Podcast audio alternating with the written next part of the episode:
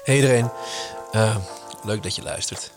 Uh, mijn naam is Omer en uh, ik zal in de aanstaande periode een reeks van ja, bevindingen of dingen of filosofieën die ik heb over het vak dat we uitoefenen delen met jullie via audio. Um, en eigenlijk de eerste die ik vandaag zou willen doen is eentje die ik ook vaak ophoud tegen influencers die langskomen bij me, van groot tot klein, met de vraag van oké, wat wordt de volgende stap in mijn carrière? Uh, voor jullie wetenschap, ik al rond 2006 uh, eh, help en ondersteun ik al voornamelijk ook influencers uh, achter de schermen. zelf vind ik het allerleukst om met hen mee te denken over, hey, je bent een merk. je moet ook een bepaalde vorm van marketing uitoefenen, want anders kun je niet leven van dat wat je doet. En hoe, hoe ga je dat op de juiste manier doen en op de juiste manier uitrollen? Uh, dat begon ooit dat ik een beetje achter de schermen mocht meerennen rennen bij de opposites. Zelf ooit nog een keer een groepje gemanaged. Dat heette de Nachtwakers. Staat nog op YouTube volgens mij. Uh, maar vooral veel uh, YouTubers. van een Teske tot een Joost tot een Mertabi. Rutger Fink, Stefano Holwijn. ga zo maar door. YouTube natuurlijk ook. En um, ja, keer op keer dat ik met hem bezig was, ehm, voer ik heel erg op mijn, mijn intuïtie eigenlijk om, om, om te komen met adviezen en ideeën. En vaak was de pijler een soort van: oké, is het tof? Brengt niet te veel risico's met zich mee? Dat bedoel ik gewoon financieel. En ehm, draagt het wat bij? En zo ja, wat draagt het bij? Bij mij hoeft het niet altijd ehm, de influencers per se knijten veel geld aan iets te verdienen. Ik vond het vooral belangrijk in de beginnen dat ze gingen nadenken over alternatieve manieren om gewoon te kunnen leven van wat dat wat je doet. Want ik zag een best wel veel uh, influencers, makers, zal ik ze beter even noemen, uh, tegen een bepaald glazen plafond aan knallen. En dat had vaak te maken met uh, of hun talent ging verder dan hun kunde om in een groepsverband te kunnen werken. want op een gegeven moment heb je gewoon een team nodig om naar het vogelniveau te gaan. Dat is iets wat een stuk tv bijvoorbeeld heel goed begrijpt. Um, en anderzijds, wat ik ook vaak zag gebeuren, is dat ze een soort van slachtoffer werden van ja, de agressie die een algoritme eigenlijk uh, met zich meebrengt als je daar eenmaal als maker van moet leven. En vooral van als een bepaald type maker. Nou, dus um, een tijd terug, toen uh, was ik uh, lekker aan het babbelen met uh, Arie Boomsma. En Arie en ik, we hebben wel zo nu dan was het even met elkaar sparren, als we een leuk nieuw inzicht vinden, et cetera. En hij kwam met een best wel een tof inzicht. En dat inzicht ben ik eigenlijk op gaan pakken en mee, mee gaan rennen. Dus sowieso shout-out naar Arie Boomsma. Um, en hij uh, bracht me uh, de volgende theorie naar voren. En dat is namelijk dat je twee typen makers hebt. Je hebt de uh, hiërarchische maker en je hebt de territoriale maker. En ik zal daar trouwens nog een derde categorie aan willen toevoegen. Dat is de legendarische maker. Dus wat maakt iemand een legend? En um, ik neem jullie daarvoor dan mee, want ik denk persoonlijk dat er best wel wat um, makers zijn, slash influencers, die nu tegen dingen aan het lopen zijn. Uh, ik denk ook dat er best wel veel mensen ideeën en wensen hebben over zelf een influencer worden. Dus misschien is het ook wel handig voor jou om het te horen.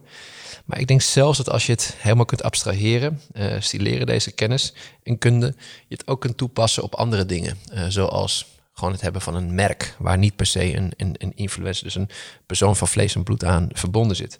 Maar laten we voor de gemak eventjes houden op influencers. Dus zoals ik net al zei, je hebt twee categorieën uh, die Ari me bracht en ik voeg er eentje aan toe. En de eerste is de hiërarchische maker. En de hiërarchische maker is eigenlijk in overvloed. Uh, van de hiërarchische maker wordt ook het vaakste content gemaakt die krantenkoppen pakt als influencer doet X of Y of Z, waarbij allerlei talkshows en opiniemakers denken van nou ben je betoeterd, dat kun je allemaal niet doen. Maar ja, er is wel een reden waarom ze dat doen. En dat is natuurlijk ook omdat ze gewoon geld moeten blijven verdienen. Want anders vallen ze niet op in het algoritme. Maar dit zijn vaak de hiërarchische makers. En wat definieert nou een hiërarchische maker? Een hiërarchische maker doet eigenlijk hetzelfde als wat wij als jonge mensen deden op de schoolpleinen. Al dat wat jou als maker definieert, dus je succes, het moment dat je gelukkig überhaupt zou mogen zijn, is extern te bepalen. Dus voorheen op het schoolplein uh, had je dus uh, was het de schoenen die je droeg, uh, of die van merk waren, of andere merkkleding. Dat bracht je een bepaalde status, een extern iets wat jouw status in je sociale kring omhoog uh, liet, liet, liet, liet, gaan, liet, liet reizen, liet stijgen. Andere variant natuurlijk, wat je ook had, ja, als je een scooter had, of als je nou net die gast was die, uh, die, die playboy was, of, of je was die dude uh, of dame die, nou, I don't know, die, die het hardst kon zuipen. Tenminste, dat was vroeger bij mij in Castricum een belangrijk kenmerk om te laten zien hoe stoer je was. Um, en heel veel van die, die dingen die jou definieerden, uh, jouw status gaven en jou dus een gevoel van geluk gaven, hadden allemaal extern te maken uh, met jou. Er kwam niks komen vanuit jezelf. Ja, en je kan nog herinneren dat je moeder dan heel wijs zei: Ja, maar kleine omer, het gaat om je innerlijk. Maar ja, op het schoolplein op dat moment, als je 14 jaar bent en je bent op zoek naar je innerlijk, om te laten zien aan iedereen: Kijk, mijn innerlijk, wat natuurlijk nog keihard niet lukt. Uh, was dat iets wat er totaal geen interesse had voor het publiek daar zo. En precies dat zie je dus nu ook gewoon uh, zich manifesteren in de makershoek. Uh, hoeveel makers ken je wel niet die eigenlijk alleen maar maken uh, om likes te scoren, views te scoren? Je ziet aan de clickbait-titels die ze hebben. Dus clickbait-titels zijn titels die gemaakt zijn om, erop te om mensen erop te laten klikken. Maar als je er op hebt geklikt, is het inhoudelijk niet echt wat ze, wat ze beloven. Um, allemaal externe factoren die zij uh, gebruiken om hun succes te bepalen. Je ziet ze ook vaak communiceren op de sociale media met... Wauw, weer een mijlpaal. 100.000 subscribers, 500.000 subscribers, een miljoen subscribers.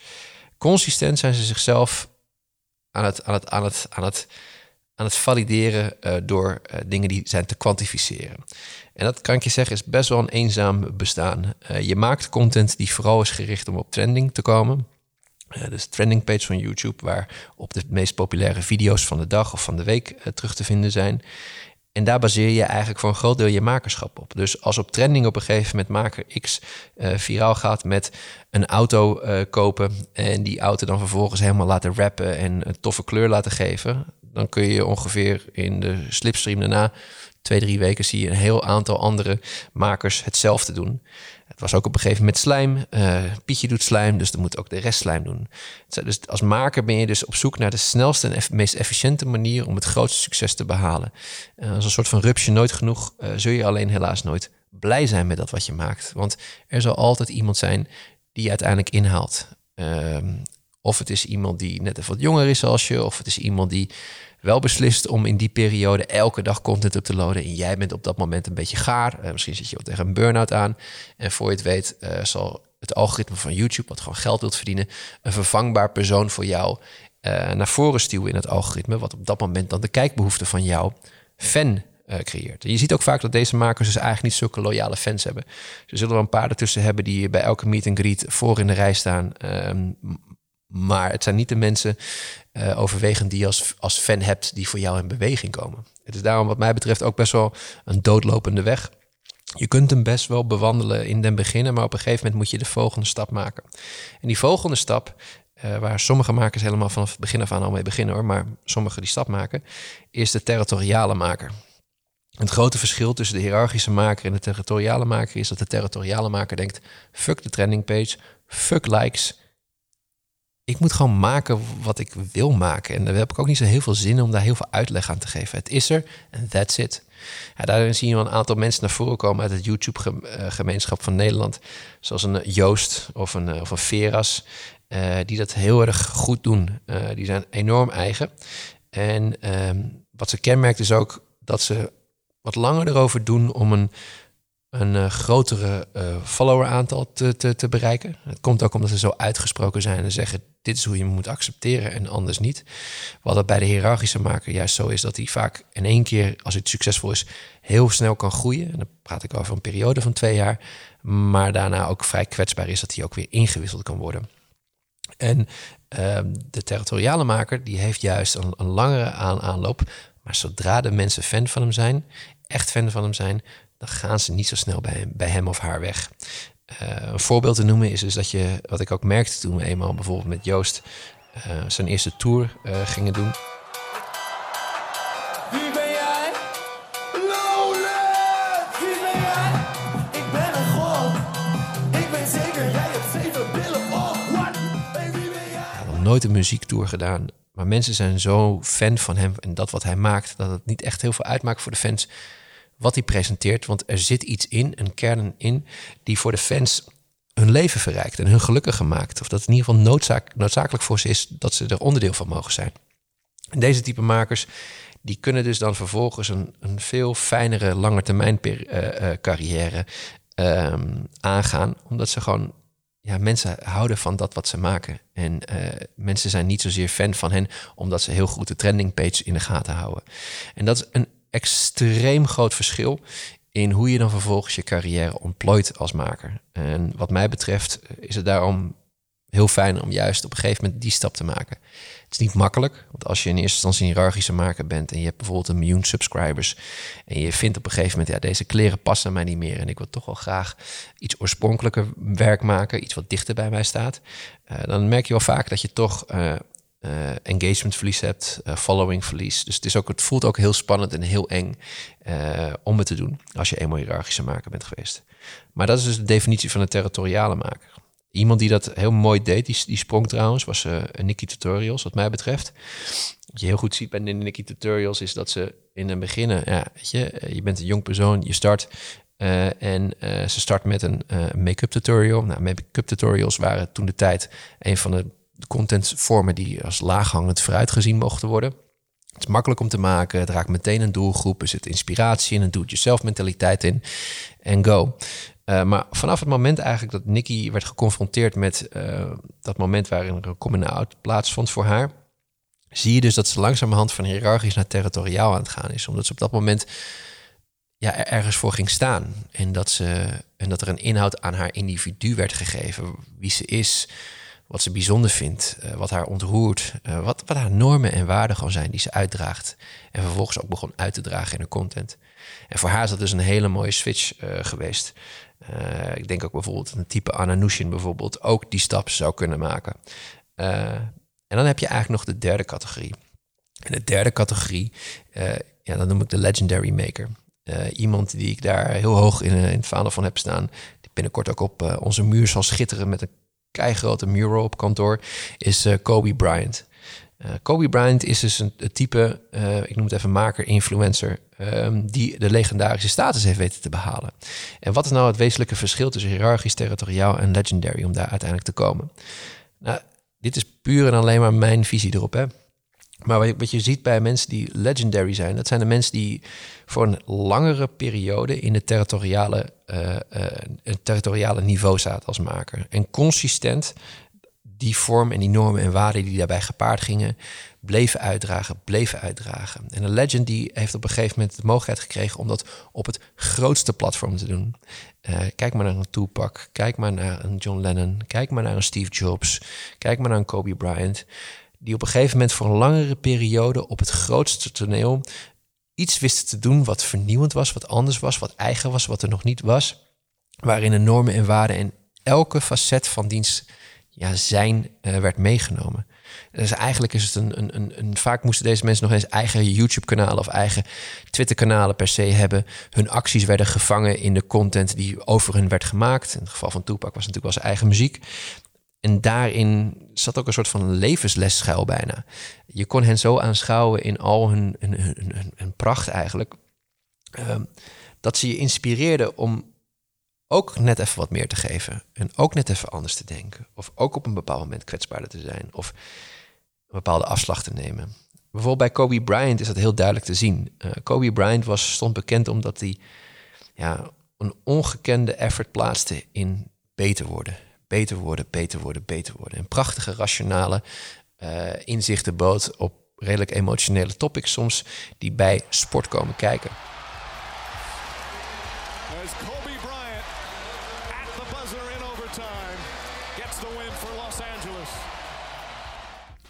En zijn consistente eh, drang om het beste bij zichzelf naar boven te halen. En dat ook vervolgens bevestigen met kampioenschapsringen. En daar ook die wegen naartoe ook echt laten zien dat het alleen maar draait om, om, om, om het harde werken en het beter worden. Inspireerde op een gegeven moment mensen. En die mensen die begonnen zich op een gegeven moment af te vragen in momenten als ze bijvoorbeeld, je voor, je hebt een moeilijk sollicitatiegesprek of iets zit net even tegen, of je moet juist uh, je moet een wedstrijd winnen, al ben je een amateursporter. En dan stel je jezelf de vraag op een gegeven moment, als je het antwoord niet uit jezelf kunt halen, hey, wat, zou, wat zou Kobe doen?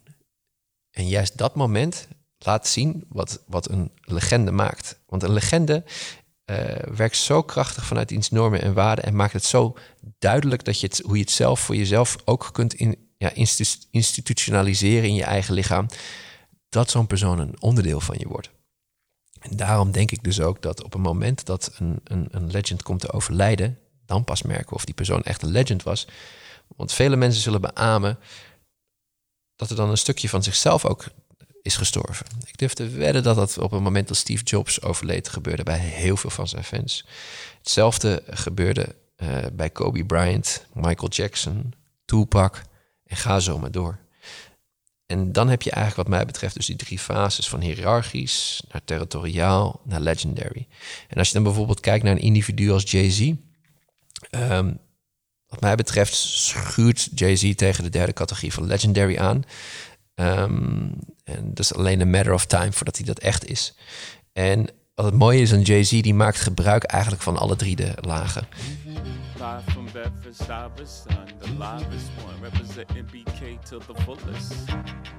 Uh, dus Jay-Z begon eigenlijk echt wel als een, als een hiërarchische uh, uh, artiest. Uh, en begon steeds meer uitgesproken te zijn en topics te kiezen in zijn songs die andere rappers niet pakten, bijvoorbeeld. Kijk maar naar zijn laatste albums. Veel meer, veel meer ruimte voor artistiek, uh, artistieke uitingen in videoclips. In veel meer ruimte voor kunst überhaupt in zijn, in zijn hip-hop projecten. Dat is best wel ongekend. Uh, Kendrick Lamar doet dat ook natuurlijk. Maar het mooie is van Jay-Z, wat hij dus dan doet, is vandaag de dag. Hij zegt: Oké, ik ben sowieso een territoriale maker. Dus ik maak gewoon wat ik wil als het een release is van mijzelf, mijn eigen album, bij wijze van. Maar ik doe zo nu dan een featuring uh, op een track van een artiest die nu momenteel keihard scoort in de hiërarchische laag. Want er zijn nog steeds boekers en, en, en, en managers en partijen die vooral de kwantitatieve cijfers in de gaten houden om te bepalen wat jouw marktwaarde is. Dus dan maakt hij soms een track bijvoorbeeld met DJ Khaled en een Future of een andere artiest. En daarmee brengt hij zich nog eventjes weer, brengt hij zich weer even relevant terug naar de grotere massa.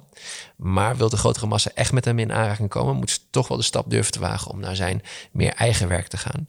En ja, ook als je kijkt naar de expansie van Jay-Z in altijd wat hij doet, zie je ook heel duidelijk dat hij zijn normen en waarden van ondernemerschap, van, eh, van niets iets maken en geen excuses maken voor wie je bent uh, en doorpakken, etaleert. En ik denk dat de, de tand destijds uh, het zou uitwijzen, of de tijd destijds, ik ben zo goed met Nederlandse gezegdes, um, zou uitwijzen of je ook daadwerkelijk een legende wordt mij betreft schuurt hij er echt wel tegenaan. Ik denk zelf dat het vooral heeft te maken met of hij zijn kaarten echt op tafel gaat leggen, zodat mensen hem echt kunnen zien.